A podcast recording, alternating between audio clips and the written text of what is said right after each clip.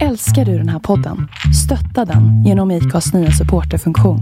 Det är helt upp till dig hur mycket du vill bidra med och det finns ingen bindningstid. Klicka på länken i poddbeskrivningen för att visa din uppskattning och stötta podden. This Mother's Day, celebrate the extraordinary women in your life with a heartfelt gift from Blue Nile. Whether it's for your mom, a mother figure, or yourself as a mom, find that perfect piece to express your love and appreciation. Explore Blue Nile's exquisite pearls and mesmerizing gemstones that she's sure to love. Enjoy fast shipping options like guaranteed free shipping and returns. Make this Mother's Day unforgettable with a piece from Blue Nile. Right now, get up to 50% off at BlueNile.com. That's BlueNile.com.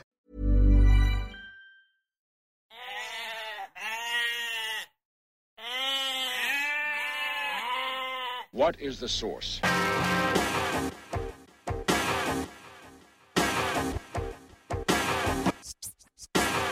One, two, three, set it!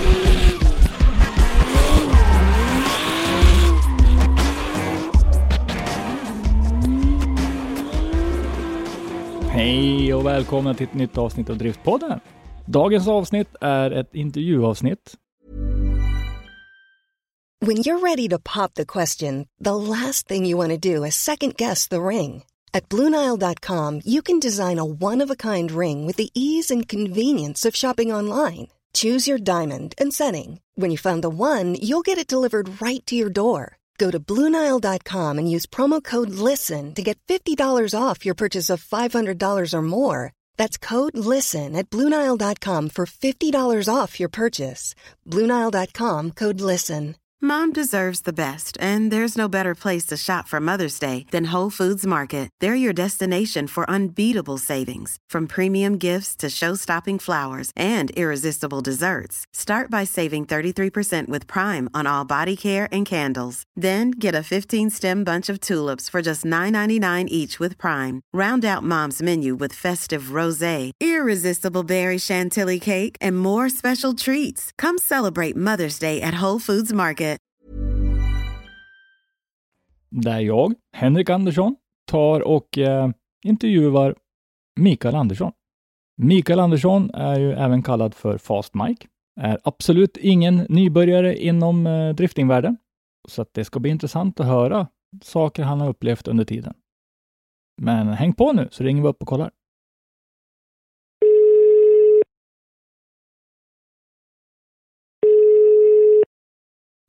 Vi passar på att säga välkommen till Fast Mike. Ja, tack så mycket. Eller ja, Mikael Andersson då, ska jag ju säga egentligen. Ja, precis. Fast Mike låter väl bättre när det är inom driftingverksamheten kanske. Det är många som är som känner igen mig. Ja, precis. Och en sån här inledande fråga kan ju vara, eh, vart kommer Fast Mike ifrån? Det var en bra fråga. Det får du fråga min flickvän. Nej, eh, det började väl eh, redan på hobbynivå egentligen eh, med min första bil jag byggde. Mm. Av någon konstig anledning så gick den alltid sönder. Men eh, det tog inte speciellt lång tid innan den var ihop igen. Så att, eh, Du var snabb så, så att säga. Ja, det var många som undrade varför, hur jag fick ihop saker och ting så fort. Ah, Och eh, ibland, även i tävlingssammanhang, så har vi ju även varit nere i Göteborg och bytt motor över en natt och kommit upp igen på tävling, bland annat i Rudskogen då. ja, det, du, det, det är snabbt. Ja, så, så det, det, det har funnits mycket vilja genom åren och att grejerna ska funka, de ska inte stå still, utan eh, det ska vara snabbt ihop igen när det är någonting som har hänt. Ja, ja jo, men alltså det, det, är någonting som går, genomgår driftingen är ju den här snabbheten. Ja, Just att precis. det är mycket som händer snabbt. Men eh, Mm. o- om vi backar tillbaks bandet och, och börjar från början, eller ja, kanske inte riktigt från födelsen då, men om vi säger din väg in i driftingen. Ja, det började faktiskt redan på var det 2011 kanske, när jag hade byggt ihop min första bil. Mm. Ehm, Då fanns det ju någonting som man hade hört talas om som hette gatubil. Ja, ja. Ehm, Och det, det känns ju typ som det är på medeltiden när man säger 2011. nu för tiden. Men eh, mm, det var ju där, eh, där det började för mig då. Ja, Jag åkte 20, dit över en helg eh, och körde där. var det på Mantorp det? ja, det var på Mantorp ja. Mm. Ehm, och fick lite körtid eh, på banan där och tyckte att det var riktigt kul. Mm, mm. Komma ut och få leka av sig lite och sladda lite och kände att det gick eh, bättre och bättre så att till Vad- slut då så 2015 tog jag ju steget med att eh, köpa en annan kaross då och påbörja tävlingsserie serie istället. Mm, mm. Vad var första bilen, vad var det för något? Det var en Volvo 745, en laserblå. Ah, så du körde också det Eh, nej. enorma skåpet så att säga? Ja, precis, precis. Den, eh, den hade ju allt sånt där tänkbart eh, 18-års stuk förutom eh, en eh, HX55 turbo och alldeles för mycket effekt på alldeles för kort register. Så eh, var det ju även en baslåda och grejer och Nej, men allt, allt sånt där otänkbart som man kan tänka sig i en driftingbil idag. Den var kittad om man säger så. Ja, lite så. Väldigt sportig. Men, men då var han alltså väldigt aggressiv i bilen med andra ord? Om det hade mycket effekt Ja. på, på ja, konstig utveckling då blir det. Ja, precis. Ehm, Det var ju ingenting effektmässigt eller vridkurva under eh, 3500-4000 varv någonting och sen, sen var det ju bara ketchup-effekt och så var det ju varvstopp då. Ja. Men du körde, du det, den, körde, var, den var ganska okörbar om man säger så. Just, eh, man, man fick engagera sig rätt hårt för att få den, eh, håll- hålla den på de få varvtalen som det fanns då. ja, ja, ja. Hur tyckte du, kom du snabbt in i det här med driftingen eller var, tog det tid för dig att, och, och så att säga, känna dig bekväm med det? Alltså de, de första åren så var det ju mycket försöka få saker och ting till att hålla ihop, eh, märkte jag ju. Eh, eh, så fort man hade lagat och fått ordning på ett, ett problem så, så kom ju nästa någon annanstans istället. Så att det, felet flyttar ju sig hela tiden om man säger så, så man fick ju hela tiden hålla på att förstärka och uppgradera och Ja, men det, och var det inte någonting med drivlinan så var det någonting med karossen eller ja. Ja, det, det, det är ofta så att man liksom, om vi säger du slänger på effekt, så går någonting sönder där och sen så fixar man det och då flyttar, ja som du säger, då flyttar ju sig kraften och tar nästa grej. Ja, precis. Men 2015 sa du, då, då, eller var det 2014 du började snegla på dri- tävlingsdriftingen då? Ja, det var det väl då. Eh, kan det varit eh, 2014 som DAT började? Kanske. Jag Ja, har för mig att jag körde DAT-serien 2015. Och sen tog vi steget till SM 2016 om jag inte räknar fel på åren där. ja men det kan nog stämma för först var det, ja, då har ju Dots Powerslide var ju i de där krokarna och så hade du ju DAT. Mm. Och sen så blev det ju SM ja. I drifting efter Dots Ja, ja, Powerslide. precis. Men vad Jag byggde tror, du jag upp? tror det ha varit 2016 som SM drog igång va? Ja, Jag tror med det. Ja. vad byggde du för något då? Eh, in, innan där då till, till och med DAT-serien så, så köpte jag ju en kompis kaross. Eh, han skulle ju uppgradera sig och bygga 240 istället. Mm. Eh, så då köpte jag en då välbyggd Volvo S90 ombyggd. Ja, S, ja Med, eh, S90 det, det är ju S70 fast i lyxvarianten typ. Ja, precis. Eller uppgraderingen på 960 kan man säga. Ja, just det. Ja. Och sen vet jag inte riktigt om det var 760 från början och 960 sen. Och emblemen sa S90 i alla fall, så det var, det var någon form av kameleont där. ja, fast den, den var väl lite vridstyvare och lite starkare i vissa grejer. har för mig. Ja, precis, precis. Och den köpte jag ju då som, som rullande chassi då. Mm. Och eh, den eh, fick ju då, den, den var ju byggd och registrerad som en T5.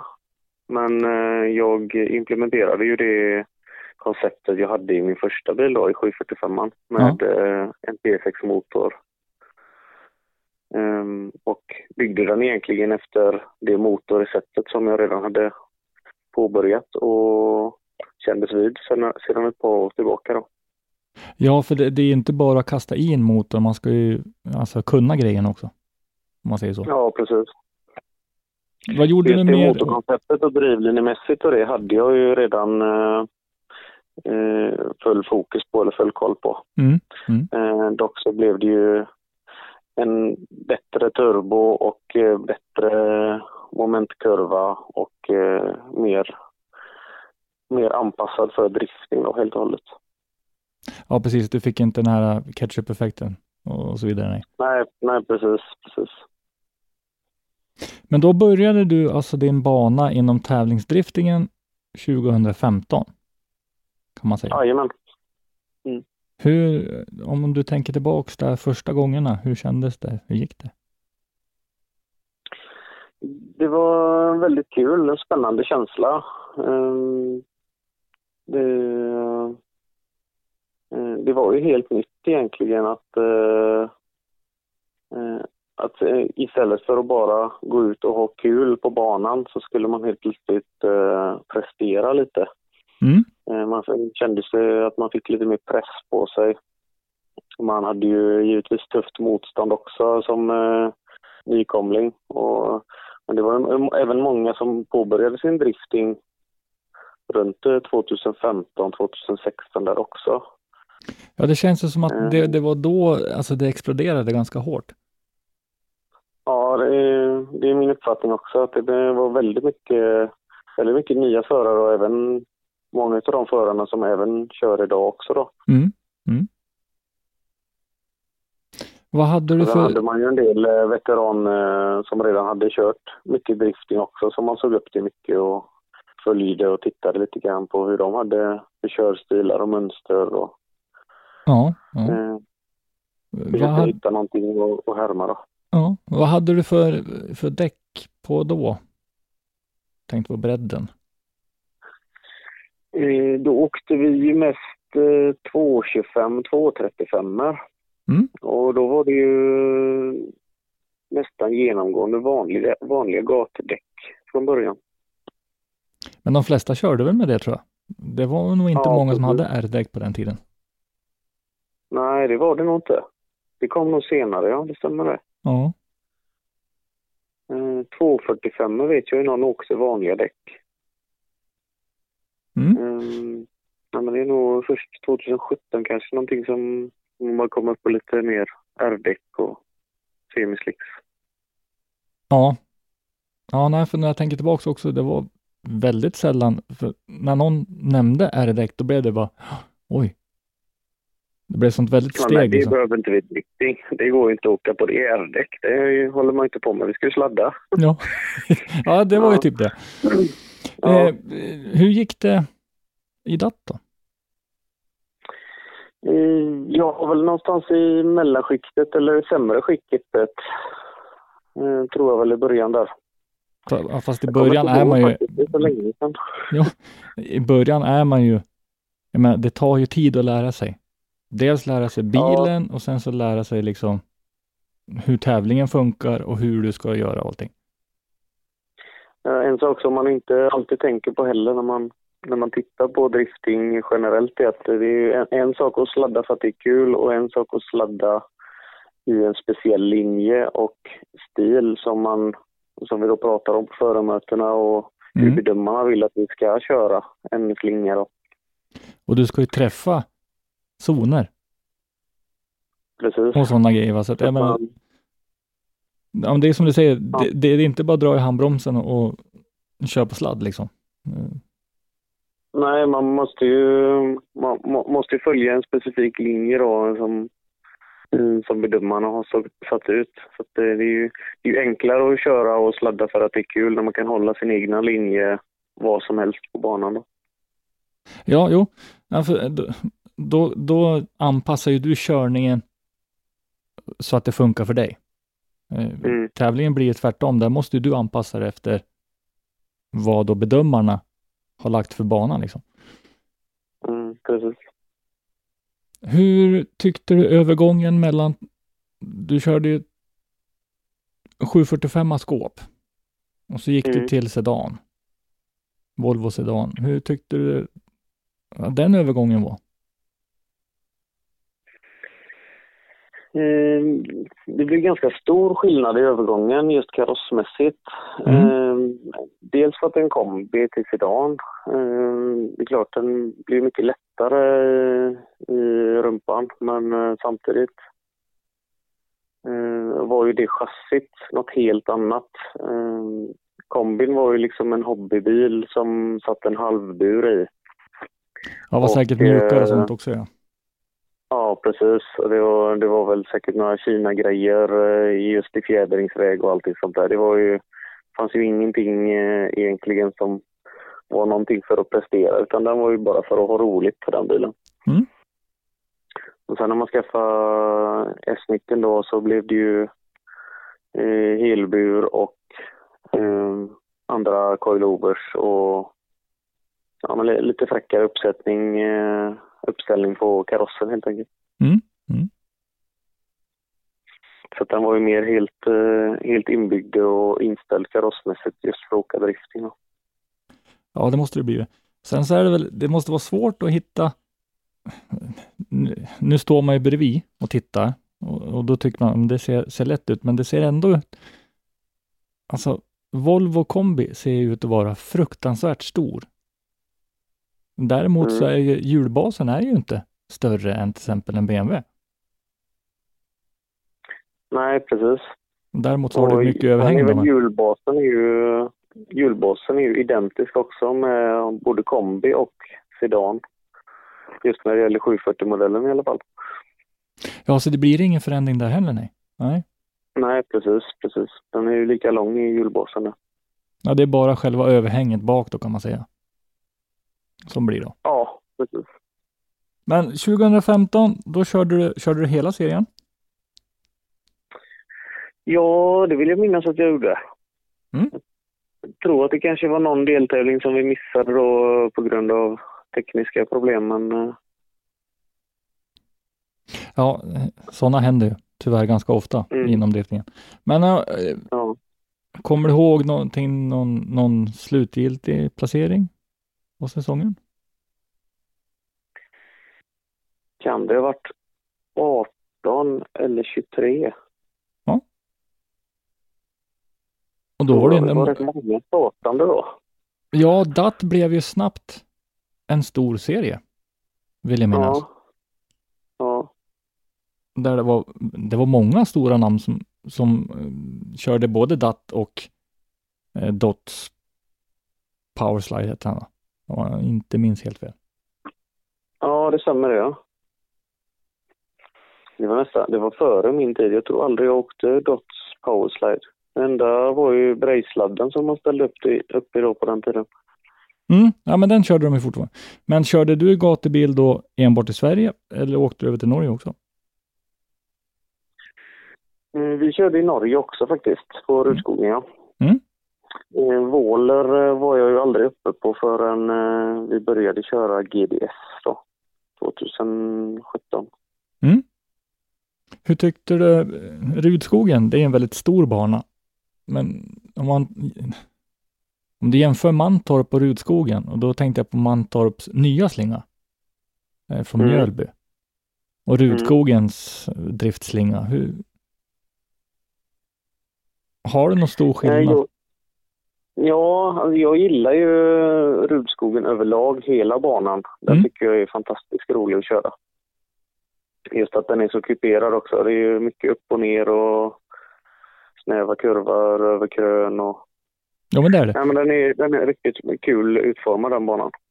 Just eh, om man bara ska se till tävlingsslingan så är det ju mm, lite enklare kanske på Rudskogen att hänga med som publik och se hela, hela banan. Ja, för de brukar väl köra, ja, de brukar väl köra den sista kurvan innan start och målrakan så att säga? Eller vart brukar de köra? eh, Ja, du tänker på Brejsladden ja. Ja, Eh, ja, Men ja. sen har de ju kört eh, GDS-tävlingen har ju mest gått nere vid eh, karusellen.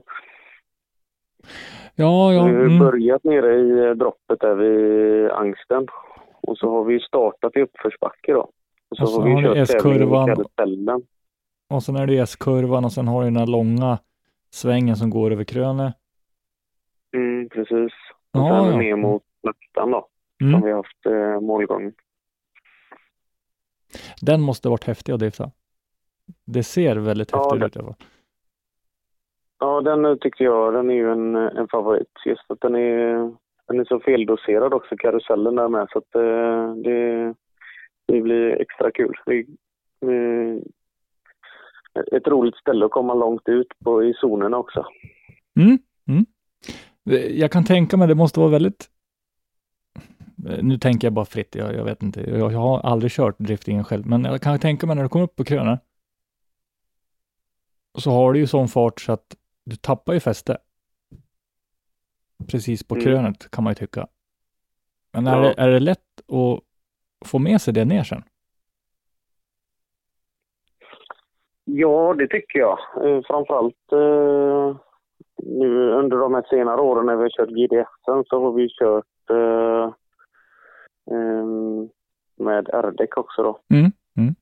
Så det är klart att det gör ju, det gör ju en del men eh, men den eh, just själva utformningen på kurvorna och det gör att eh, jag tycker man får med sig mycket fart. Man, eh, när man bilen sätter sig på ett bra sätt man kan fullfölja hela, hela slingan om man vill på, med mycket fart också. Mm. Det, det tar väl en hel del effekt i motorn för att kunna köra så som de vill att man kör då, misstänker jag. Absolut. Det är det. Men om, vi- om vi backar tillbaks, eller backar tillbaks. Eh, 2015 DAT, Mm. ny bil, motorpaket. Vad hade du för effekt då ungefär? Mm, Tummen och pekfingret. Då hade jag väl 670 hästar någonting tror jag. Det var jag rätt mycket lite ändå. då. mindre, jag hade lite mindre effekt än, äh, än i min eh, hobbybil från början då. Men eh, med mycket bättre register istället. Ja, så du nyttjade motorn bättre ändå. Ja, ja precis. Eh, 2016 då, Mm. vad, gjo- gjorde du någonting med bilen på, däremellan 15 och 16? Nej, det tror jag inte. Ingen större, det kanske bara var eh, att gå igenom grejerna.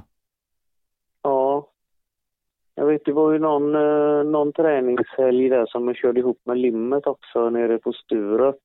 Mm. Det var också en sån där typisk fast mic-grej. Att eh, vi körde ju, jag och Limmet körde ihop där. Han, han la ju jättemycket rök eh, i slutet på kurvan och sen bromsade han för han såg ingenting när han eh, kom ut på rakan då. Han blindade sig var själv. Ja, så att, eh, och mitt i rökmolnet där så stod ju han still då när jag kom på tvären. Så det, det blev ju sådär bra kan man säga. Men eh, Det blev en ordentlig smäll med andra eh, ord. ja, men eh, det var en liten flygtur. Jag tror de filmerna ligger även kvar på våran, eh, våran Facebook-sida fortfarande. Mm. Eh, men det är, ju, det är ju rätt många inlägg efter det nu. Men det Men var, också var sån, eh, vi körde ihop där en söndag tror jag det var. Och eh, på tisdagen stod vi i riktbänk uppe i Göteborg. Och sen tror jag vi var på Mantorp och körde helgen efter. Om jag inte minns fel. då, då jobbade ni hårt i veckan. Det var många timmar nedlagt den veckan kan jag säga för att få det till att, till att rulla igen. Ja, Det, det, var, det var mycket krokigt, framförallt i bakvagnen då som fick en rejäl smäll. ja vart, tog, vart tog smällen på din bil? Var det i bakkanten? Ja, den tog ju vänster bak så krökte jag ju bakaxeln åt höger. Och sen eh, däcken mötte ju varandra då så jag flög upp på hans däck och studsade runt ett, eh, ett helvarv i luften. Gjorde en piruett och så landade jag ju på höger bakhjul istället. Och hans, du fick rejäl smäll på bilen med andra ord. Ja, så den eh, såg ut som en banan den bakaxeln. Inklusive eh, även infästning och lite så också då. Så att, eh, den, fick, den fick ha lite kärlek innan Ja. den, det var okej att köra igen. Ja, inte nog med att bakaxeln gick ju säkert som du sa, som en banan, men jag menar infästningar, bustningar. Det är mycket där. Mm. Jajamän. Men, vad, eh, vad körde ni på Mantorp sen? vi ändå få ihop allting. Ja, vad var det på Mantorp då helgen efter? Jag tror det var... eh, Kan det ha varit SM-tävling då? Eller om det var gatubil. För det här var var det här 2015? Eller var det Sex- 16 tror jag. 2016? Ja. Jag tror det var samma år. Då körde vi SM-serien men vi åkte ändå på gatubil också. Just för körtid och träning och sådär. Kan det ha varit Sturup SM och sen gatubil helgen efter kanske? Då? För Sturup körde men väl det, två Vi gånger? körde inte ihop på SM. eh, Det var ingen SM-tävling vi körde ihop på, utan det var en sån... eh, Det var bara en frinkörningen, typ. Ja, precis. Det var bara frikörning och träning. Vi Mm. var där nere och körde upp över dagen. Ja, men ja. Då kan det ha varit gatubil, så ja. På Mantorp. Mm, jag, tror, jag tror det kan ha varit det. Men hur, om vi tittar tillbaks till 2016 då, hur gick den säsongen? Det var första säsongen i SM. Mm. Hur var Mm. övergången ifrån, för i DAT, körde ni Twin i DAT? Eller var det singelrepor? Nej, jag tror bara det var singelrätter i datt, ja. Ja, för det var kval och sen så bedömdes ni på Ja. singelrep, ja. Ja, det stämmer nog det. Vi körde ju, just det, vi körde singelrep gjorde vi, fast vi körde som en twin. Man hade ju någon man mötte då, fast man körde singelrepor. Var Ja, det inte så? och sen så bedömdes ni ju poängmässigt då mot varandra, fast Ja, ni inte hade kört precis. mot varandra. Ja. Ja, precis. Men hur var omställningen där? Du, gick upp till SM och du, du gick in Mm. i stora klassen eller var det RM? Nej, det var SM. Nej, jag gick in i SM direkt, gjorde jag. Ja. Eh, 2016 då. Och det var, ju, det var ju väldigt spännande. Man skulle köra Twin för första gången.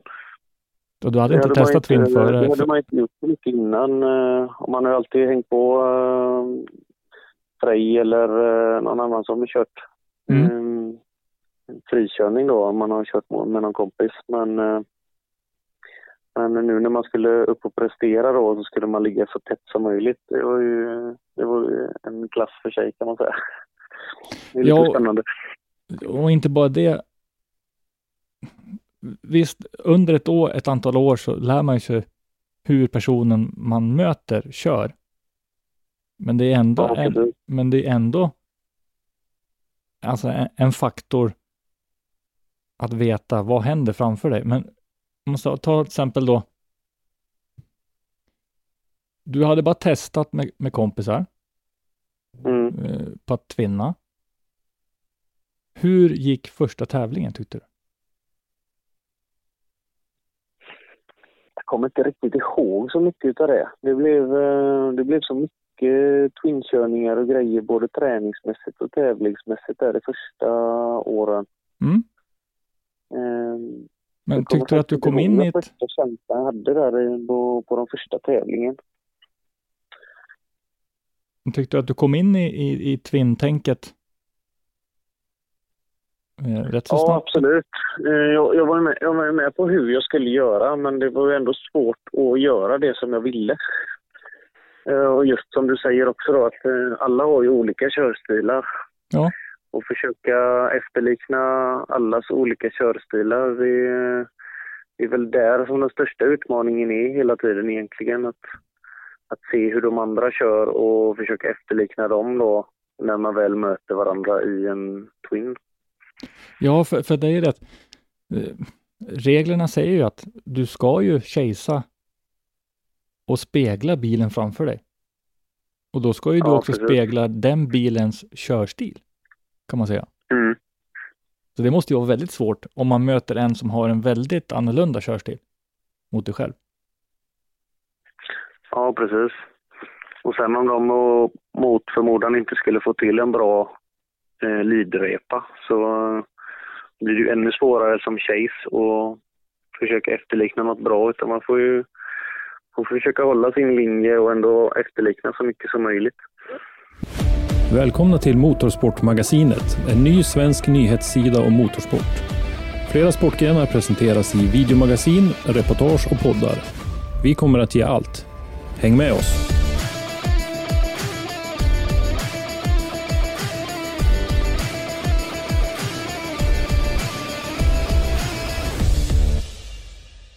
Men hur, hur gick 2016 då?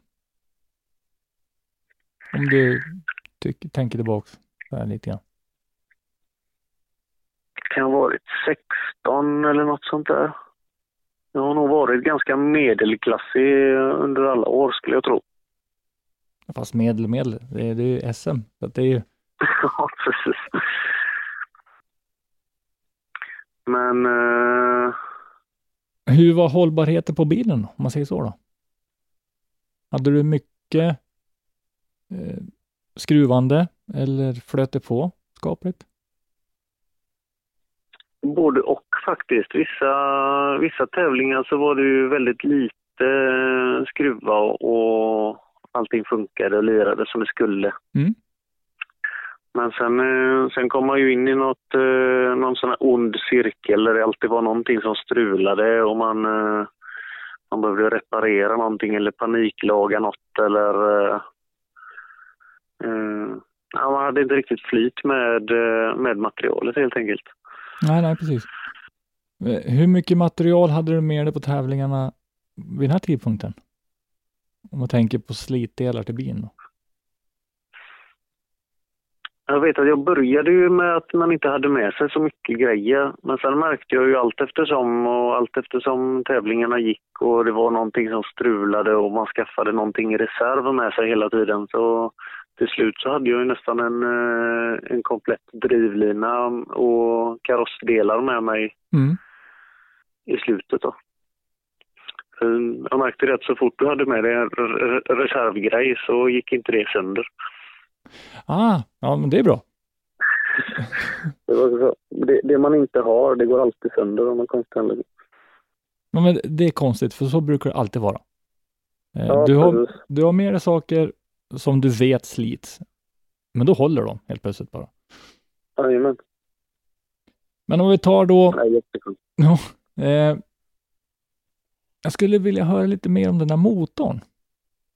Mm. När, när hände det? Eh, vad menar du med hände? Ja, när ni åkte hem och fixade motorn och kom tillbaka. Det var ju, eh, det var ju efter eh, jag bytte motorkoncept i, eh, i S19 då. Mm. Jag har Mm. kört E6 i alla år, eller Volvos sexcylindriga. Mm. Men inför 2018 så valde jag ju faktiskt att eh, prova att åka M60, BMW V8-motor. Aha, okej.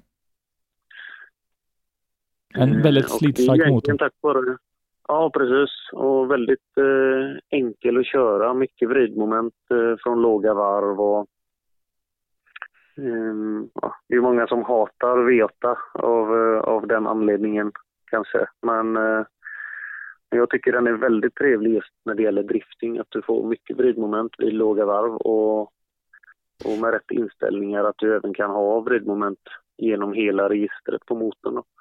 Ja, sen så måste det ju vara, eh, eller måste, men jag, har fått för mig att det är enklare.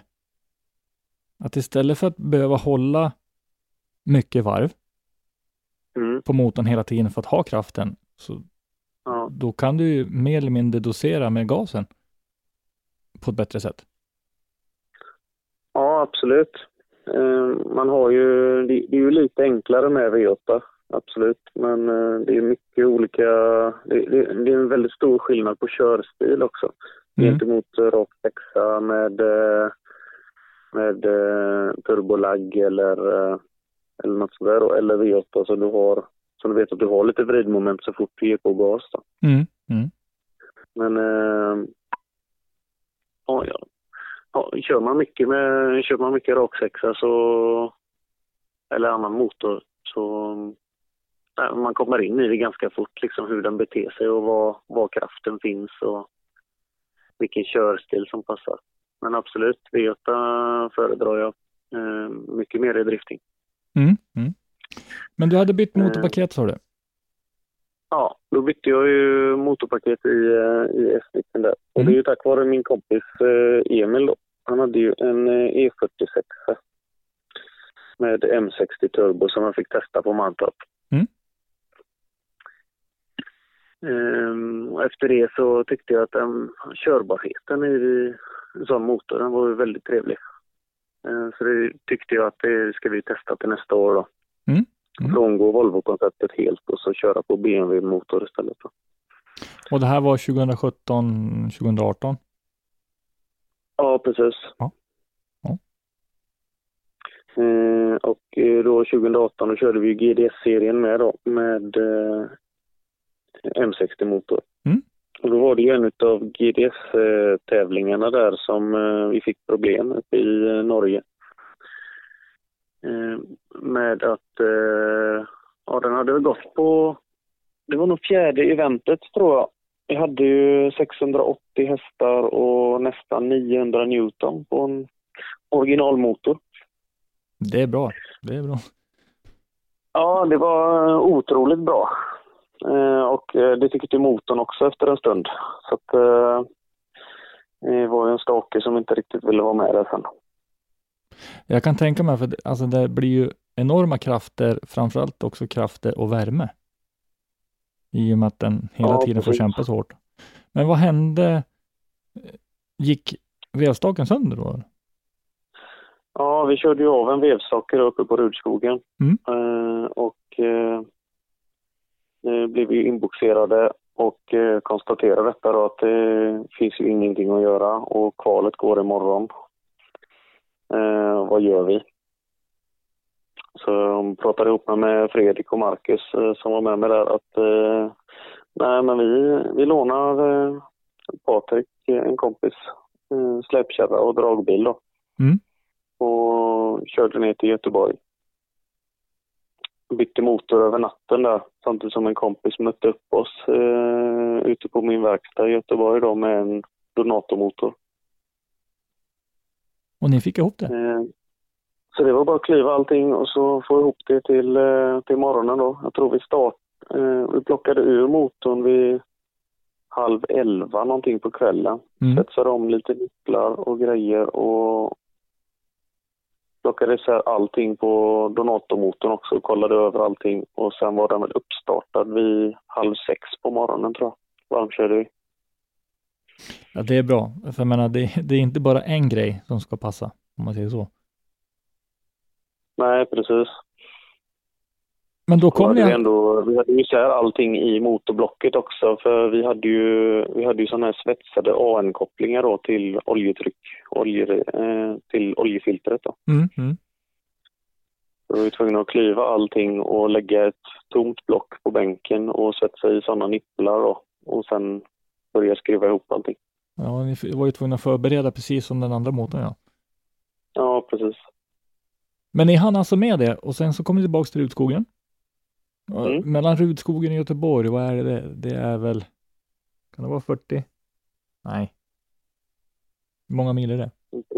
Eh, 20, vad är det, 23 tror jag. 23 mil. Ja, ja, det är ungefär hälften. Jag har 40 någonting till Rudskogen. Ja, Men det är ändå, det är 46 mil fram och tillbaks. ja precis. Och rivning, återuppbyggnad av motor med specialgrejer.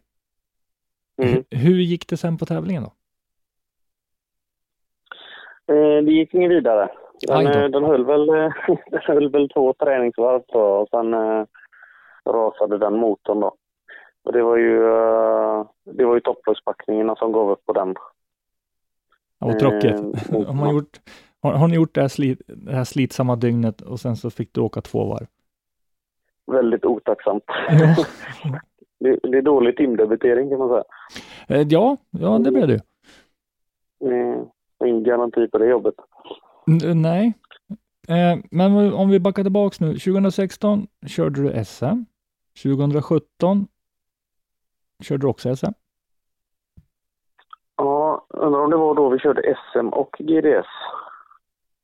Var det, det måste Ja. ha varit GDS som startade väl 2017 tror jag. Ja. Så som den är nu eh, startar den då ja. Mm.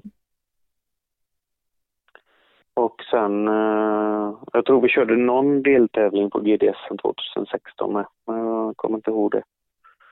Ja, jag har för mig att du Mm. var med om man säger eh, hösten där på Mantorp. Ja, jag tror det. Jag var väl där och testade då tror jag på 2016 Mm. för just för GDS. Så vi sen ansökte till GDS eh, 2017 och 2018 då. Hur gick tävlandet 2017? Tyckte du? Eh, det gick bra. Eh, var väl som bäst sexa på en utav GDS-erna tror jag. Mm. Det kan varit Mantorp. Var det, eller var det 17? 17 var det ja. Det är bra. Sexa är bra. Ja. Mm. Och, eh, Mantorp eh, deltävlingen då, sommarrelaterat där. Mm. Mm. Eh, och jag tror jag blev väl totalt, eh, vad sa vi nu, 2016 var vi på va? 17. 17. 17. För då körde vi, då körde vi bara GDS sen. Jag tror att vi, eh, vi var väl någonstans runt 20, 20-25 eller någonting i placeringen där. Mm. Det är ju ganska tufft motstånd i GDS i och med att norrmännen kom in också. Ja, och, må- många norska duktiga förare med. och där, där eh, GDSen hade ju precis startat upp i sin ja, Mm. nya form då. Så det var ju väldigt många vassa åkare eller vassa förare. Ja, precis. Men sen du körde bara GDS. 2000, eh, 2016 kan det nog ha varit då som vi kom 11 i SM? Måste det ha varit då. Ja, ja, men det, det, nu har jag inte sidan uppe så att jag kan inte gå tillbaks. Eh, Alltså du har sån fusklapp. Ja. Jag försöker bara minnas här. Jag känner mig som en pensionär. Sitter och pratar om massa sådana här gamla krukor och sånt. Det känns som det är i evigheter sedan det var 2016, 2017. Det är mycket som har hänt sedan dess. det blir det bara på backa tillbaks ett år så är det ju hur mycket som helst. Ja, precis. Mycket körningar och grejer och träningar och om man försöker komma ihåg det mesta. Ja, var det mycket frikörningsevent under de här åren också? Så, det, gatubil är inte med så mycket. Ja, men vi hann ju inte med så mycket mellan, eh, mellan tävlingarna egentligen. Eh, det var ju, var ju en del service och kontroller på allting så fort man kom hem och sen var det ju inte långt till eh, det var dags för nästa tävling eller träning. Mm. Eh, Vi körde ju, de, då vi körde SM så var det ju alltid gatubil som vi åkte och tränade på och när det var GDSen så ja, han var ju med någon frikörning, eh, Sturup eller eh, Gymkhana Drift körde vi också på Vallåkra där några år. Ja, just det. Ja. Den vann jag ju 2015 kommer jag ihåg. nu. ja, du ser. Det är trevligt. Ja, det var kul. Eh, vad säger jag, 2017, påsksladden tänkte jag Mm. på. Eh, var det f- 2018 första gången? För dig, eller var det 2017? Nej, det, måste, det var 2017 var det. Eh, var första året. Mm. Hur tyckte du om den tävlingen? Med tajt Den tyckte jag var väldigt trevlig. Ja, ta- tajt och teknisk och mycket publik på en väldigt liten yta. Ja, det måste kännas speciellt när man kommer in på arenan. Kan jag tänka mig. Just det jublet och den stämningen som är med publiken och allting när de får uppleva det på så nära håll. Mm. Det, det gör mycket för oss som, eh, för oss som kör. Det är så uppskattat av publik. Ja, man kan tänka mig det för att för ni, ni kommer ju så pass nära så ni ser ju publiken också. Och ni hör ju publiken Ja. på ett helt annat sätt. Ja, absolut. Men hur gick det då 2017? På påsksladden? Det var väl då de körde SM på påsksladden har jag för mig. Eh, Så då var det ju, då var det ju träning och kval Ja, just det. Mm. Ja. på, på SM-tävling. Så det, jag tror inte det var påsksladden va? Eller den var väl, eh, den var väl som en deltävling i SM-serien. Om inte jag minns fel. ja, för året efter så blev det ju inställt på grund av att det var snö. Med, Mm. med själva SM och då blev det bara påsksladd ja. Ja, just det. Mm. Nej, då, då gick det ju bra. Alltså det kändes ju bra på den banan och så. Men jag har ju alltid haft en sån här eh, ond cirkel runt mig med att möta Pavel Korpelinski av någon konstig anledning. Det har ju varit, eh, det har ju varit min akilleshäl. En okej. väldigt konsekvent och bra förare genom alla år.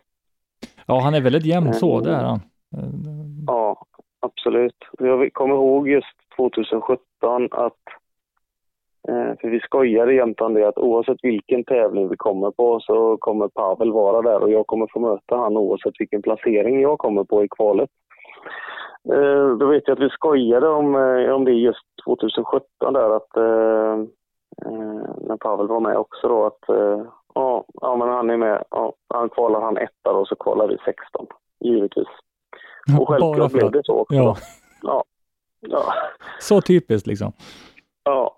Och det, det, var, det, var, det var många gånger det var likadant och varit så flera år innan också att ja men om, om, eh, om Pavel kvalar trea så kommer vi kvala 14 liksom. Det eh, var alltid så att vi skulle mötas någonstans. Ni, ni, ni följdes åt helt enkelt, om man säger så. Ja, ja precis, precis. Det, det var väldigt kul.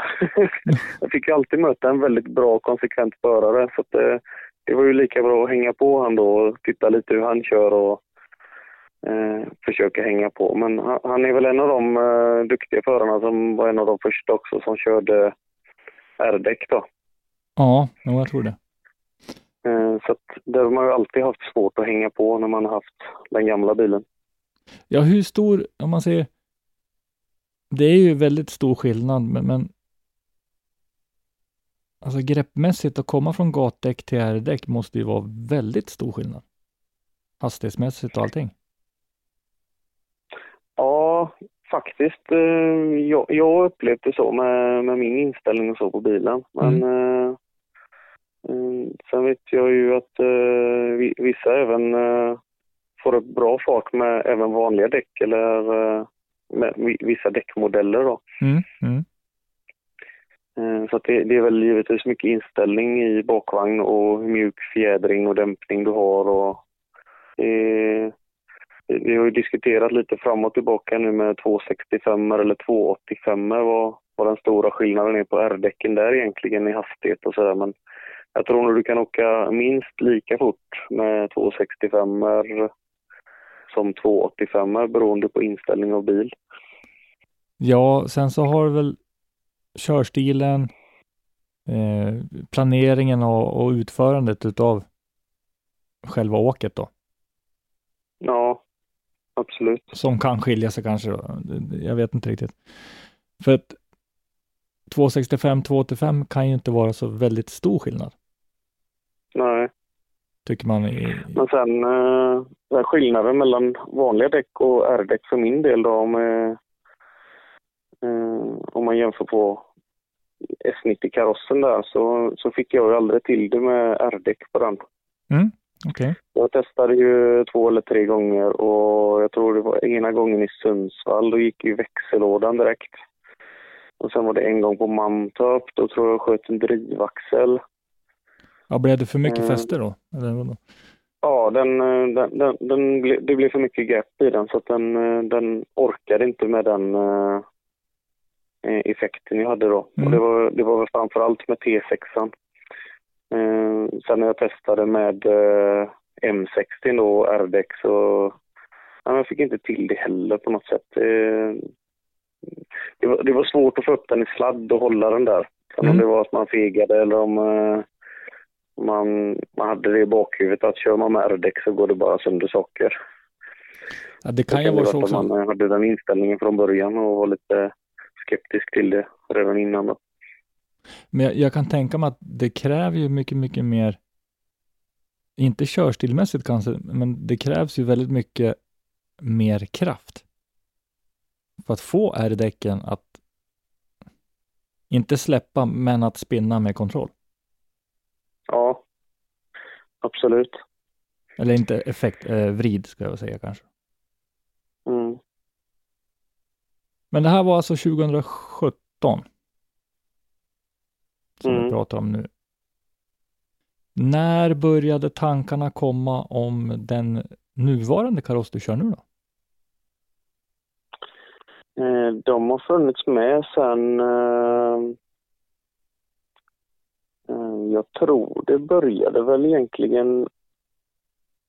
Var det mellan 17 och 18 där, eller 2018 Mm?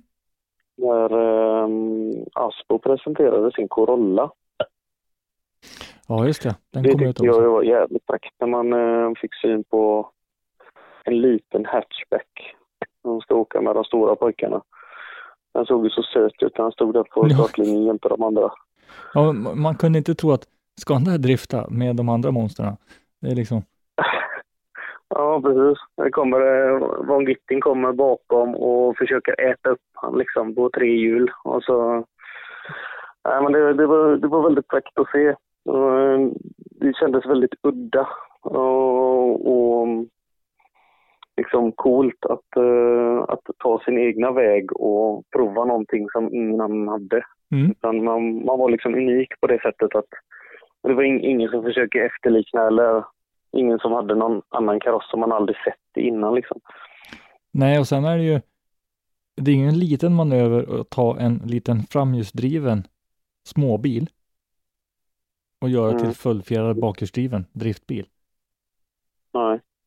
Men det var 2017, Det eller 2018 ja. Ja. När, när gjorde du slag i saken då?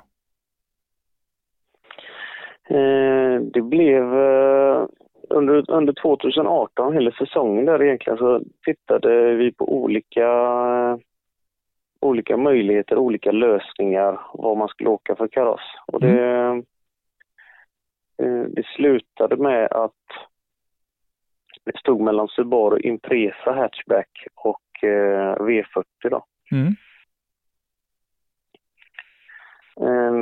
Dock så fanns ju bara Impresan hatchback mellan 08 och 09. Eh, och jag ville ju bygga en, eh, en ny bil. Den skulle vara 99. Mm. Mm. Och eh, ja, men det skulle vara någonting som ingen annan hade heller. Utan man, man skulle bli liksom eh, unik med sitt bygge. Och eh, därför föll det då under, eh, under sommaren på en eh, V40 när vi fick tag i en kaross då. Mm. Eh, om vi säger, hur mycket arbete var det att få den till en godkänd driftbil? Eh, precis lagom mycket arbete skulle jag säga. Eh, men samtidigt blev det alldeles för mycket jobb med tanke på tidsfristen som det väl blev då när vi väl drog igång bygget. Mm. Mm. Eh, vi hade ju karossen eh, redan från semestern och framåt. Men hur vi skulle bygga den och hur vi kom fram till det konceptet vi skulle ha var ju väldigt mycket tankar och skisser och funderingar på hur man ville ha bygget då i och med att man nu då börjar på någonting som är helt tomt och eh, kan liksom implementera alla idéer och alla tankar hur man vill ha det servicevänligt Ja, innan man Mm. bygger till alltså, så att säga. Ja, precis. Så vi kom ju inte igång med, med själva karossen och eh, bygget då förrän i mitten på oktober. Mm. Jag minns ju framförallt den, eh, den tiden som var i de två eller tre sista veckorna innan påsk. Mm.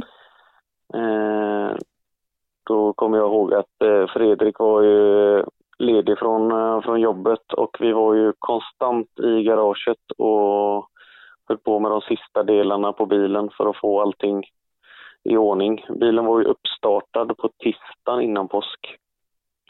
Jag tror onsdagen innan skärtorsdagen så var vi uppe på bromsbänken. Och sen på torsdagen så var vi ju uppe på Elmia då. Ja. Och där eh, under de tre sista veckorna där, då, då jobbade vi verkligen dygnet runt med bilen. Kände man att man var för trött och inte kunde göra någonting så var man inne och sov en stund på soffan eller tog en powernap eller Jag kan tänka i mig... övrigt så var man ju igång med ungefär 20 timmar om dygnet var vi igång i verkstaden. Oh, och det var ju, för ni fick ihop bilen snabbt ändå. Med tanke på att det Ja. var ju alltså ett nytt koncept. På Ja, precis. alla sätt och vis liksom. Ja, jag tror det var, ja, det var, det var nog ganska exakt tio månader eh, eh, effektiv tid kanske. Mm. Ni, nio eller tio månader som, som vi höll på med bilen då. Och sen Eh, så ska från, man från också... att vi tog första, för, första skruv, eh, skruven på karossen till att vi hade en färdig bil på Elmia då. Ja. Jag kommer ihåg på Elmia när vi stod där i STCs monter och alltså man var bra sugen på att lyfta det skynket. Kan jag säga. Mm. ja. Och att man, eh, att man hade en, en sambo och familj som stod ut med det de sista veckorna, det är helt otroligt faktiskt. Vilken uppbackning man hade på många olika plan. Ja, det kan jag tänka mig. För det, In- Inte bara vi som höll på att greja utan eh, även, även runt omkring då hur mycket det löste sig både på jobbet att man kunde vara hemma och bara fokusera på bilen och få ordning på det sista då. ja.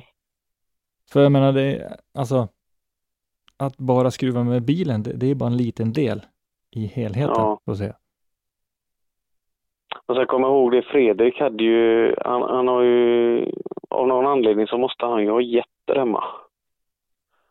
Det är också så här drift, drifting och get. Det, det, det är en sån kombination. Men det är, bara, det är bara en sån kille som Fredrik. Han är, han är så söt med det tycker jag. det var ju, jag, jag tror det var, det var måndagen, eh, eller sönd, söndag natt, eh, så ringde en kompis hemifrån honom och sa det att eh, du, dina getter har rymt. De är ute och springer här på gården. Ja. Och Fredrik sitter hemma i mitt garage i Göteborg och bara, vad fan. så, klockan, så klockan två på natten eh, på söndag natt till måndag då. Mm. Då satte han sig i bilen och åkte hem till Ystad. Snickrade ett staket och lagade upp staketet provisoriskt. Han var väl hemma vid fem eller någonting tror jag på morgonen där. Eh, powernappade 45 minuter, satte sig sen i bilen och åkte upp igen och var i Göteborg igen vid halv elva på förmiddagen. Du, det är, då är Det man dedikerad. Ja, då är man dedikerad. Ja, det, det är vilja. Ja, alltså Så, det, eh, det, det, och det var, det, det var liksom det enda vi gick på det sista, si, sista veckan. Där liksom. Det var bara ren vilja. Det, det fanns liksom ingenting annat. Vi, vi ska ha ihop detta innan påsk, så är det bara. Vi har bestämt oss. Och sen då presenterades den ju på Elmia 2019. och då var han redo. Mm. Jaha, för du körde ju och du körde uppvisningarna då. Ja, precis. Men om du Då var det ju upp, uppvisning ihop med Olle Olsson och Granlund och Rickard Ivars. ja just det. Eh, om du tänker tillbaks där nu, första, första gången när du körde den, hur var Då hade du kommit från ett ganska stort ekipage som ändå S90 Mm. är. Blev det en väldigt Absolut. stor skillnad när du, när du började drifta med, med V40 då? Ja, det blev det. Eh, dels, eh, dels att jag har gått ifrån stel axel som jag alltid har kört med och nu hade man en delad bakvagn istället. Då. Mm. Mm. Eh, och sen eh, har den ju nästan inget överhäng alls bakåt. Eh, vilket gör att man... Det känns ju som man, eh, man åker igenom zonerna fast ändå ligger man för långt ifrån dem. Ungefär. Ja, det den, måste kännas- Den är ju en, redan en decimeter kortare än vad S90 var också. Ja. Hur är det i, i så att säga, eh, när du byter linje Mm. och kör, hur, hur är han snabb då tycker du upplever det? Är det lätt att få honom att flytta sig dit du vill ha honom? Eller får du jobba med det? Nej, jag tycker den är... Ja, jä- jämfört med den gamla karossen så är den ju väldigt snabb i transition. Mm, mm. Eh, Det går ju att änd- ändra håll på den väldigt enkelt tycker jag. Den är väldigt följsam och mm, gör för det mesta det man vill att den ska göra. Mm. Och sen också då att man har... eh, Jag har ju bara åkt med R-däck på V40 också då. ja, du har inte ens, ja precis, du, du gick på R-däck direkt ja. Mm. Eh, det, det var lika bra att börja på någonting som man, som man har vetat om sedan flera år tillbaka att det här vill jag ju åka på. Ja, precis. Eh, motorn då? Blev ju en eh, BMW-motor, en V8, det med. Mm. Även i den nya då. Eh, dock så eh, har jag ju alltid varit en, eh, en sån dröm som man har tittat tillbaka på ända sedan eh, barnsben när Limmet byggde ihop sin M5 V8. Eh, och eh, en sån motor kände jag att det ska jag ha. Ja. ja. En stor motor en, eh, ja, en 5 liters eh, V8 med separata spjäll. E- Elspjäll, dubbelturbo. Även med datornfoder och eh, eh, DP-kolvar och stakar. Då. Mm, mm. Även eh, portad eh, och eh, andra ventilfjädrar. Men det, eh, det är alltså en redan hållbar motor som blivit väldigt mycket starkare. Mm, precis. vad tar du ut för effekt på det då? Den landar på 853 hästar tror jag det var. Och eh, nästan eh, 12, 1200 Newton någonting i motorn. Då. På, på, på en, en liten kaross, lättare bil, det måste ju vara en dröm nästan. Mm. För, Men, och just med den stora motorn också, att den, eh, just med registret som blir då. mm, Vi har eh, 420 Newton vid eh, 2200 varv. Och sen ökar det ju bara. ja, ja. Men det innebär ju i princip att från tomgång och framåt så, så det blir väldigt lättkört. Eller ja, lättkört, Ja. men lättare. Men 2019 då, eh, då körde Mm. du SM? Eller SDC som det heter då. Eh, GDSen körde vi 2019. Det var GDS ja. Mm. SM hade jag, gick jag ifrån där då, så körde vi ju enbart just det. GDSen, både Just det. 18 och 19. Mm. Hur gick 2019 tyckte du? Eh, bättre och bättre. Eh, Nu var det ju ny bil och ny kaross och allt och sånt där. Ja, precis. Det var ju helt andra förutsättningar och det var ju som att börja om från början lite grann. Eh, Men eh, vi fick ju väldigt mycket körtid under 2019. Vi var ju iväg på mycket olika event. Mm. Eh, bland annat Iron Drift i eh, Tyskland blev vi inbjudna till också då. Ja, just det. Just det. Eh, där vi blev kval tvåa. Ja, där gick det ju väldigt bra. Ja, absolut. Och sen eh, när det var dags för eh, topp 32 så eh, hade vi eh, problem med motorstyrningen på den. Den fick ju triggermissar så att den, den, den klippte ju effekten så fort vi skulle ut och köra. Då. Ja, men det kommer jag ihåg att, att man såg det. Man tänkte på träningen, då såg det jättevasst ut. Eh, kvalet Mm. jättebra. Mm. Och sen när du kom ut så det blev helt annat. Ja, nej, den var, den var inte alls med. Den ville, den ville inte alls överhuvudtaget. Och det var ju, det var ju värmerelaterat, triggermissan också. Eh, för den, eh, den gick ju jättefint eh, 80 procent av första varvet och sen eh, var den för varm så då gick den inte alls. Utan då, då bara smattrade det i den och misstände då. Hittade ni på, var det värmen? Eller var det någonting annat? Som, Nej, det var, eh, det var värmen som, eh, som slog ut en av kamaxelgivarna. ja, okej. Eh, Så därav visste den inte riktigt vad den var då. Nej, nej, nej. Nej, det är synd, för jag menar, Iron Drift var en, var en häftig upplevelse att vara på. Jag var ju där 2019 också. Så att det var, Mm. men det var då. Det var ju, det där var i augusti. Ja, det var så- ganska sent på den säsongen. Vi har ju fått mycket körtid innan dess också och testat den nya bilen och förvånansvärt bra så har ju vi verkligen eh, fått till allting under vintern. Så, så, dels så som vi ville ha bilen Mm. och sen även att eh, ingenting gick fel. Eh, allting funkade ju varje event. Det var tankar, byta däck. Ja, för Eh, jag, jag kommer ihåg jag stod och tittade på Mantorp på en av GDS-erna. Mm. Och det, det såg ju så väldigt smidigt ut. Du körde, var inne i depån, kom ut, körde. Det var liksom lugn och ro på något sätt.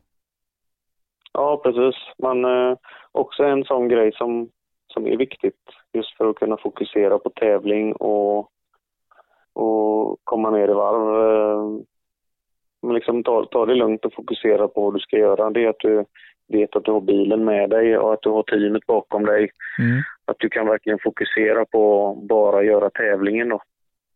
Och vad du ska prestera på, eh, just under tävlings, eh, tävlingstiden. Då.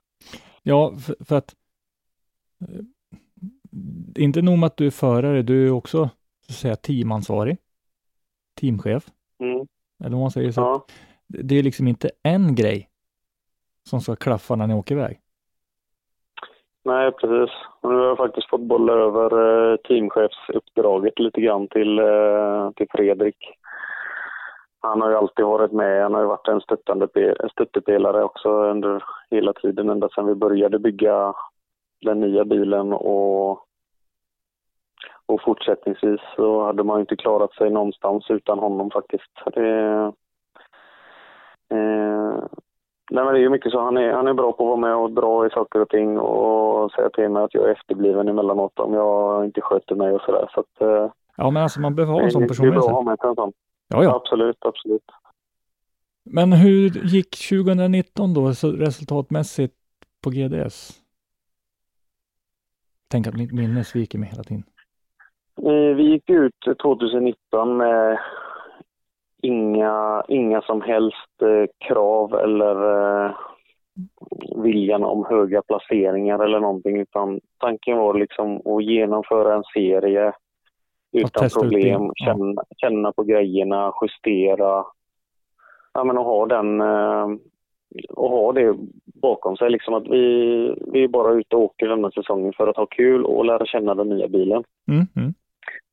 enda helgen som vi bestämde oss för att eh, nu ska vi fan eh, se vad bilen presterar. Nu har vi fått mycket körtid. Mm, nu, nu gäller det liksom. Nu, nu tar vi detta. Och det var I- Iron Driften. Mm, mm. Och det var också den första helgen som det började strula med bilen. Just med triggermissar och det också. Då. Ja, precis. Ja. Så det ser man ju hur mycket, hur mycket det gör. Dels, eh, dels psykiskt, att, eh, att saker och ting funkar. Och man behöver inte tänka på vad, vad, nu när jag är ute och kör denna repan, vad går sönder då? Att man kan lita på materialet, man kan, eh, man kan bara fokusera på körningen. Ja, för och just, sen då just när man kommer ut på Iron Driften och, och det börjar krångla igen, då, då blir det, ja, tillbaka till ritbordet, vad är det som har hänt nu? då Det tappar man ju fokus helt. tror jag. Ja, precis. Och det tror jag var helgen efter var det Rudskogen. Så från, eh, från Berlin upp till Rudskogen på en vecka. Ja, det är... Usch. Jag tyckte det räckte att åka bil ner till Iron Drift och hem igen. Det, det, räckte Ja. för mig kan jag säga. Ja, det, det räcker för mig med kan säga. men, eh, men i och med problemet man hade, så att eh, den största och enda möjligheten man hade för att kräma ut bilen på, på all värmeutveckling som går att göra och sådär så var ju Rudskogen enda stället egentligen att åka upp och testa och utvärdera bilen och felsök, ta en felsökningshelg på bana liksom.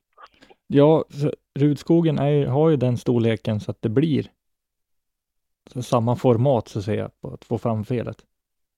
Mm, precis. Men- Jag tror under den helgen så hade jag ju både... Eh, jag tror Marcus eh, åkte ju ett varv tur och retur till Göteborg och sen mm, tror jag att det var... Var det Fredrik som åkte ner ett varv också, kanske tur och retur? Jag tror det var två eller tre vändor ner till Göteborg i alla fall och hämtade mer grejer. Eller andra grejer som vi testade med då. Och Mm. försökte utvärdera. Vi hämtade styrboxar, vi hämtade givare. Eh, Jag tror det var bränsle, delar och ja. Det var mycket grejer som vi testade och vi ville verkligen hitta felet, hitta problemet. Och sen är alltså, sådana där fel är ju inte lätta att hitta, för det är ju så många grejer. Du har till exempel Ja. spridarna, du har bränslepumparna, värme, sensorer. Alltså det är ju hur många grejer som helst. Ja, precis. Men sen då, sen kommer vi, vi börjar närma oss året som ingen vill minnas, om vi säger så då. Mm. Ja, Hur den var, är lite diffus det året. ja, hur var tankarna innan det kom igång med pandemin och allting då? Vad, vad hade du tänkt att göra förra året? Eh, tanken 2020 var ju att gå all in på uh, GDS-serien. Mm. Eh, vi skulle ju köra, vi skulle köra den eh, serien ehm, fullt ut och, eh, och försöka avklara den serien med höga resultat. Då. Mm, ja, då kom det lite målsättning in, så att säga. Ja, precis. Då har man ju känt det att bilen har presterat, vi har fått mycket körtid, vi har lärt känna bilen, eh, vi vet vad vi kan skruva på, vi vet vad vi inte ska skruva på. Mm. Ehm, vi hade isär eh, motor och kaross, gjorde bultcheck på allting, kollade över lagerspel, kolvringar, allting under den vintern eh, 19 till 20 där. Mm. Mm. Ja, ni plockar isär Förberedde hela... allting. Ja, he- alltihop plockade vi isär. Bara för att inte lämna någonting åt slumpen liksom. Ehm, sen fick vi ihop allting igen, lyckades hitta eh, li- lite mer effekt på den. Mm. Ehm, plockade isär turboaggregaten, skickade upp dem till GIK där så de fick gå igenom och titta över dem. Mm. Nej, men så allting, allting verkligen var 100,0 när man, eh, när man kom ut inför en hel tävlingssäsong. Då. Mm. Mm. Vad, vad fick ni för effekt nu då? Eh, Det var då vi fick den senaste effekten där, 853 Ja, okej. mm, hästar och Och 1200? 1100, ja, Ja, 1200 Newton någonting. Men eh, sen kom ju pandemin. Så då blev det ju en haltande GDS. Eh, Det Mm. blev en svensk del då, om man säger så. Men hur gick det på de två då? Eh, Det gick ju inte, det gick inte jättebra, kan jag inte säga. Nej. Eh, Dels att det var det ju inte så mycket träning eller så mycket körtillfällen under, under våren och sånt som det brukar vara i och med att mer och mer saker blir inställt. Det var några enstaka träningar som vi var på, slutna träningar då. Ja, allting Mm. dog ju ut helt, eh, om man säger så. Ja, precis. Frikörningar, träningar. Mm. Eh, Så att vi fi- fick ju inte lika mycket eh, träning som man skulle önskat. Nej. Ehm, Och eh, det blev, ju, det blev ju egentligen bara gatubilarna i Sverige som, som var dels trä, träning och tävling då. Det var ju ganska långt hopp emellan träningarna. Ja, och sen så var det ju inte, ja, det var ju inte en hel dag med träning. Om man säger så. Det var ju bara några få timmar. Ja, precis.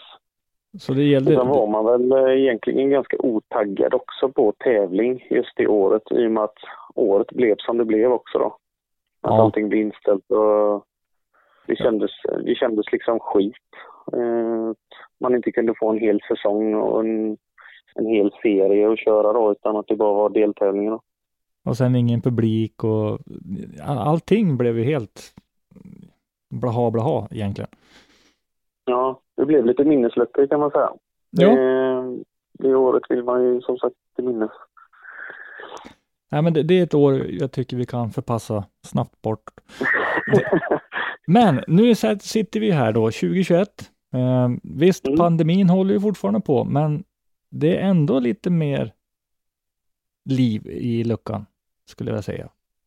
Vi har väl anpassat oss Ja. lite mer. Eh, Det verkar ju som att vi, vi får en, en hel säsong detta året eh, med... eh, Nu blir det ju SBC vi kör detta året då. Mm. Mm. Och det ska bli riktigt kul faktiskt, komma tillbaka till den serien. Eh, Det är fem, fem deltävlingar i Sverige. Och det är fem intressanta deltävlingar och fem intressanta banor. Så att det, Absolut. Absolut.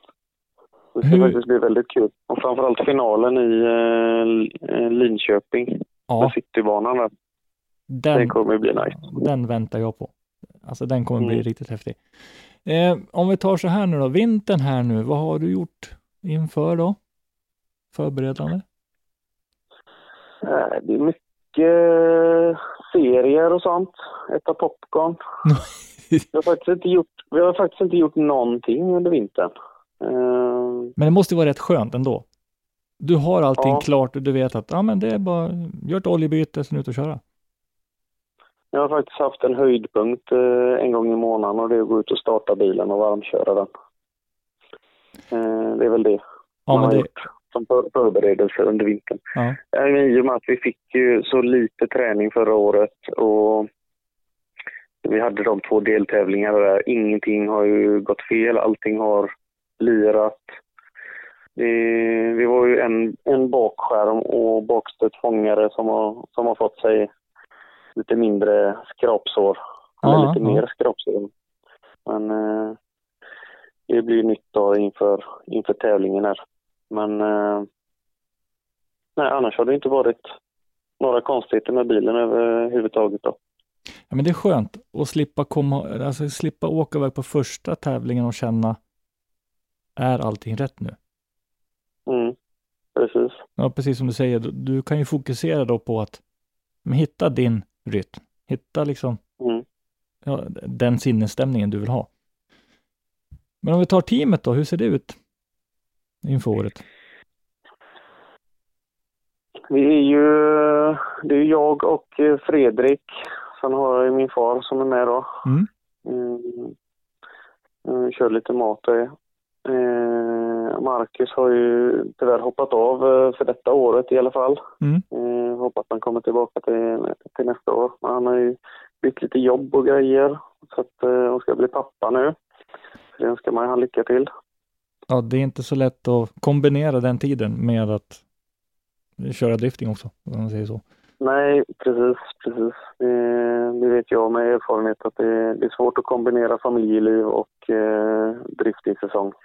Oh ja, oh ja. Eh, det, det är få förunnat att man lyckas lösa det många gånger.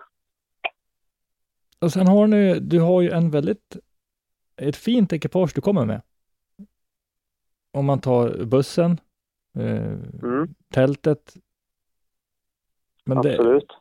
får du med dig allting i, så att säga, ett ekipage eller tar du med dig bilen på ett annat? Nej, jag har ju haft, eh, det har ju faktiskt blivit lite uppdateringar nu inför i år. Mm. Eh, för både buss och eh, bilsläpet är borta. Vi har fått eh, gå vidare. Mm.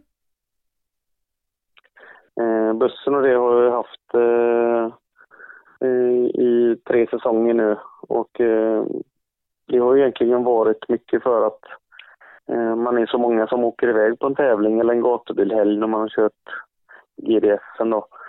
Eh, så det har alltid funnits folk som eh, är i behov av eh, sovplats och sådär.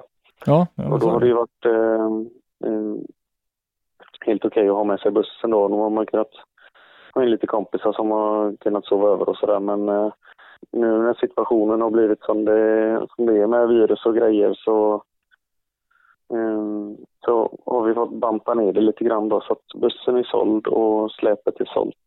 Mm. Så har vi köpt en, en bärgningsbil och ett släp istället. Så jag, har, jag har vänt lite grann på, på kakan. Ja, men alltså det, det funkar det också. Jag menar, Mm. Om vi tar då, eh, har du med dig någon spotter? Eh, inte som jag vet just nu. Nej, okej. Eh, jag har väl en, eh, en på gång, men eh, vi får se lite grann där. Mm. Det är ju, det är ju väldigt bra att ha med sig en spotter, kan man ju, kan man ju tillägga. Men eh, mm, Jag kan tänka mig att eh, just som förare ha en som, som får en överblick och kan berätta när du väl är på banan är ju värdefullt. ja, som man kan se, just när man ser från läktarplats också, eh, i, på, på en annan vinkel liksom hur, eh, hur kan jag ta mig längre ut i den zonen? Ja, gör så här innan. Ja, Mm. Och det som är bra så fall är ju, spotten lär ju ha bra kännedom om hur du kör. Eh, mm, också kännedom om sporten såklart eh, och olika kriterierna. Så att jag menar, det, det är en viktig position, men det gäller också att det passar personkemi. absolut. Det måste ju, måste ju vara någon som man, som man lyssnar på och så, framförallt som man litar på. Ja, Eh, och, eh, och även som kan säga till en att eh, du gör helt fel, nu får du fan skärpa till dig, gör så här. ja, eh, alltså, Eller gör, eller gör som jag säger till dig, annars åker jag hem. Det funkar också. ja, men det, ja, men det gäller att ha en kille som säger, hör du, nu kör du som en påse nötter alltså. Ja, precis. Ja, men eh, vad intressant. SM 2021. Mm. Ja. Har du några förväntningar? Målsättningar? Eh, vinna är kul, har Fredrik eh, alltid sagt till mig. Så att, eh, Ja. det, är väl, det är väl både målsättning och förväntningen. Ja, Eh, jag vet ju dock att det är tufft motstånd och det gäller att kämpa för sin plats. Men eh, eh, det, är jag, det är jag beredd att göra. och sen så är det, Det också att väldigt intressant jobb. resultaten som kommer i ett tufft startfält lär ju kännas rätt så skönt. Ja, precis. Så så är det ju. Men Mm. då är alltså med andra ord allting redo inför Mantorp här mm, nästa helg, inte nu helgen, helgen efter. Ja, precis. Nedräkningen har börjat kan man säga.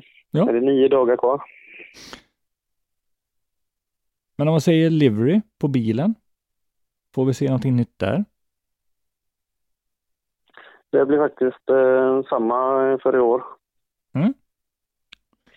Eh, den, eh, den, eh, får, den får fortsätta se ut som den gör ett litet tag till. Ja, men färgen är, är ju faktiskt snygg. Den där blåa färgen är snygg. Ja, jag tycker det. Men eh, det har varit ett genomgående tema att ha samma färg på alla bilar också genom åren. Ja. Ja, för du hade ju samma på, på S90 ja. Ja, precis. Jag tror till och med den började med den första folieringen jag gjorde på den så var det ju...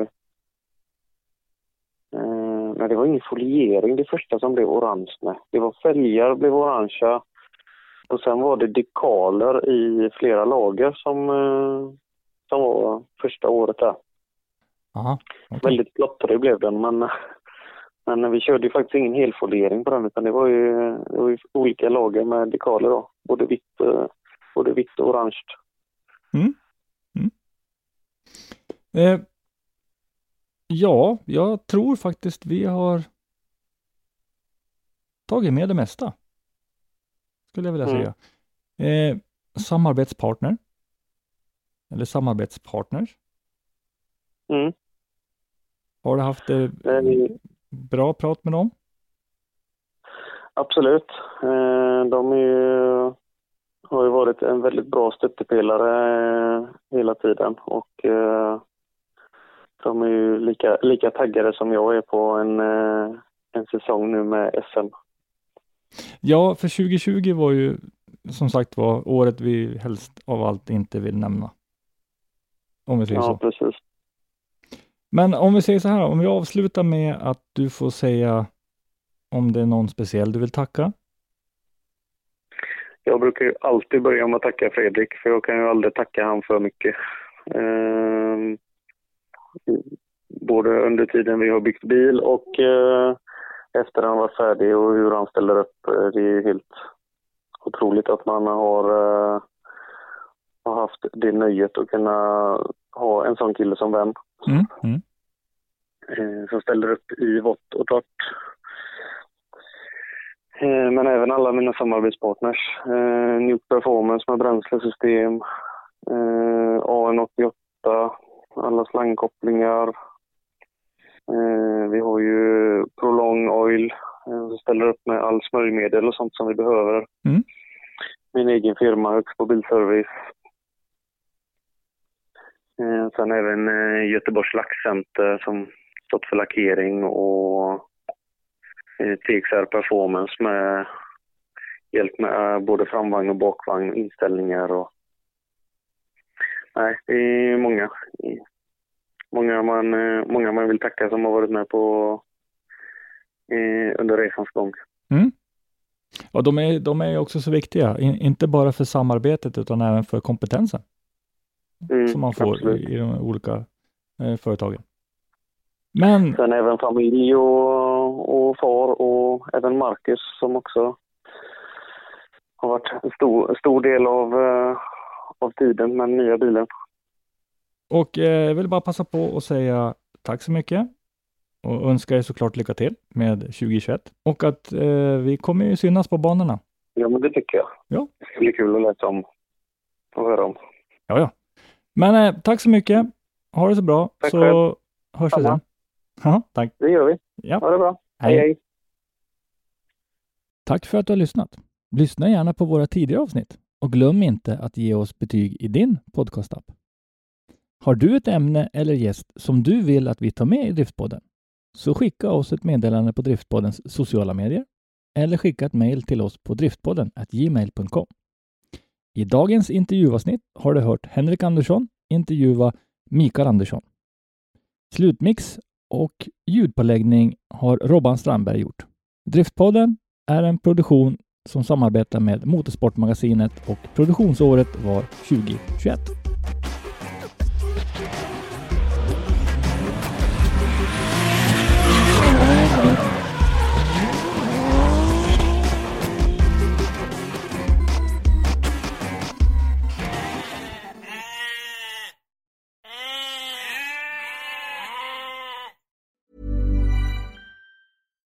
Deserves the best, and there's no better place to shop for Mother's Day than Whole Foods Market. They're your destination for unbeatable savings, from premium gifts to show-stopping flowers and irresistible desserts. Start by saving 33% with Prime on all body care and candles. Then get a 15-stem bunch of tulips for just $9.99 each with Prime. Round out Mom's menu with festive rosé, irresistible berry chantilly cake, and more special treats. Come celebrate Mother's Day at Whole Foods Market.